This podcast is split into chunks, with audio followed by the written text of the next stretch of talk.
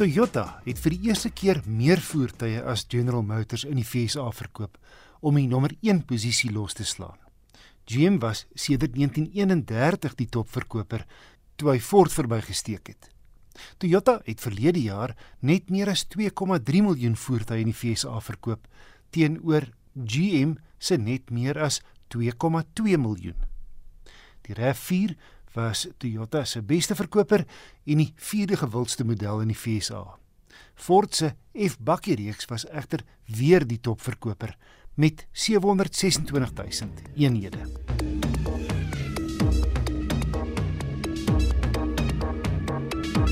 Fiat het verlede jaar sy pikante 500 reeks plaaslik opgeknap. Die oorspronklike 500 het in 1957 verskyn. Italië se weergawe van 'n klein, bekostigbare ryding, soos daardie jare se Kewer en Mini.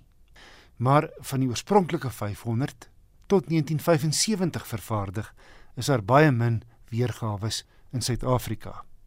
In 2007, presies 'n halfuur na die eerste 500 se bekendstelling, het die tweede generasie 500 met 'n retro voorkoms die lig gesien en 15 jaar later lyk die biksie steeds vars en oulik met 'n byna tydlose vorm.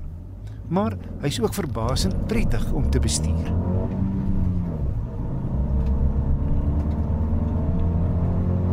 Alle modelle, daar's 4 afwerkings asook 2 afslaankap modelle, kom met 'n 875cc turbo met 2 silinders. Ek het die tweede duurste sportmodel gery met fris 16 duim alloy wiele en heel gepas sportbuffers, syskorte en 'n dakvin, maar heel subtiel uitgevoer. 'n Hele spul nuwe opgewekte kleure is ook beskikbaar in die 500 reeks. My toetsmodel was liggrys met donkergrys alloy wiele en die dak en pilare in swart.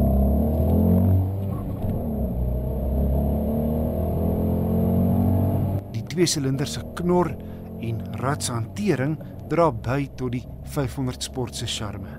63 kW en 145 Nm klink dalk nie na baie krag nie, maar hierdie Italianer weeg net 930 kg.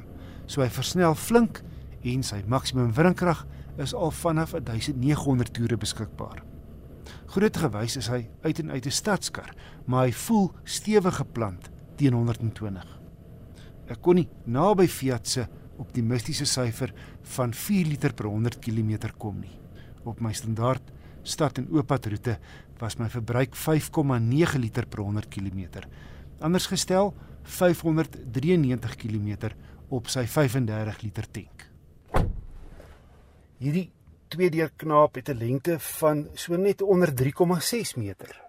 Net 'n paar sentimeter korter as die Fiat Uno wat jare lank 'n plaaslike gunsteling was. Die 500 is wel 'n knerts breër en 'n bietjie hoër as die Uno. Wat opval is hoe baie spasie die 500 het vir die twee voorste insittendes. Ek is 'n lang ou pas maklik agter die stuur en die sitplek is hoogteverstelbaar en 'n panoramiese sondak gee die 500 Sport 'n relatiewe ruim gevoel. Agter is 'n ander storie, meer 'n kwessie van twee noodsitplekke as twee bykomende mense oor 'n kort afstand karwei moet word. En net 'n paar winkelsakke pas agter in die bagasiebak. Maar die 500 kan mooi werk vir enkellopendes of twee mense in die huishouding want die agterste rugleuning slaan 50-50 plat. Wat jou dan 'n redelike klomp pakplek gee. Selfs jou goedkoopste 500, die Cult teen R220 000 is goed toegerus met 12 volt en USB sokke, 'n enjin stop rystelsel, traksie en stabiliteitsbeheer, sewe ligsakke en LED dagryligte. Die sportmodel gee teen 'n bykomende R55 000 kenmerke soos klimaatbeheer in plaas van die Cult se gewone ligversorging, 'n groter raakskerm met slimfin koneksie, 'n driekamera en parkeergonsers agter, togbeheer outomatiese reënveers en ligte, sportsitplekke voor en die panoramiese sondak.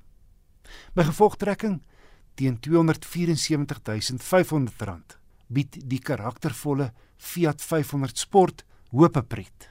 'n Bestuurservaring wat jy nie in ander luikere in die prysklas vind nie.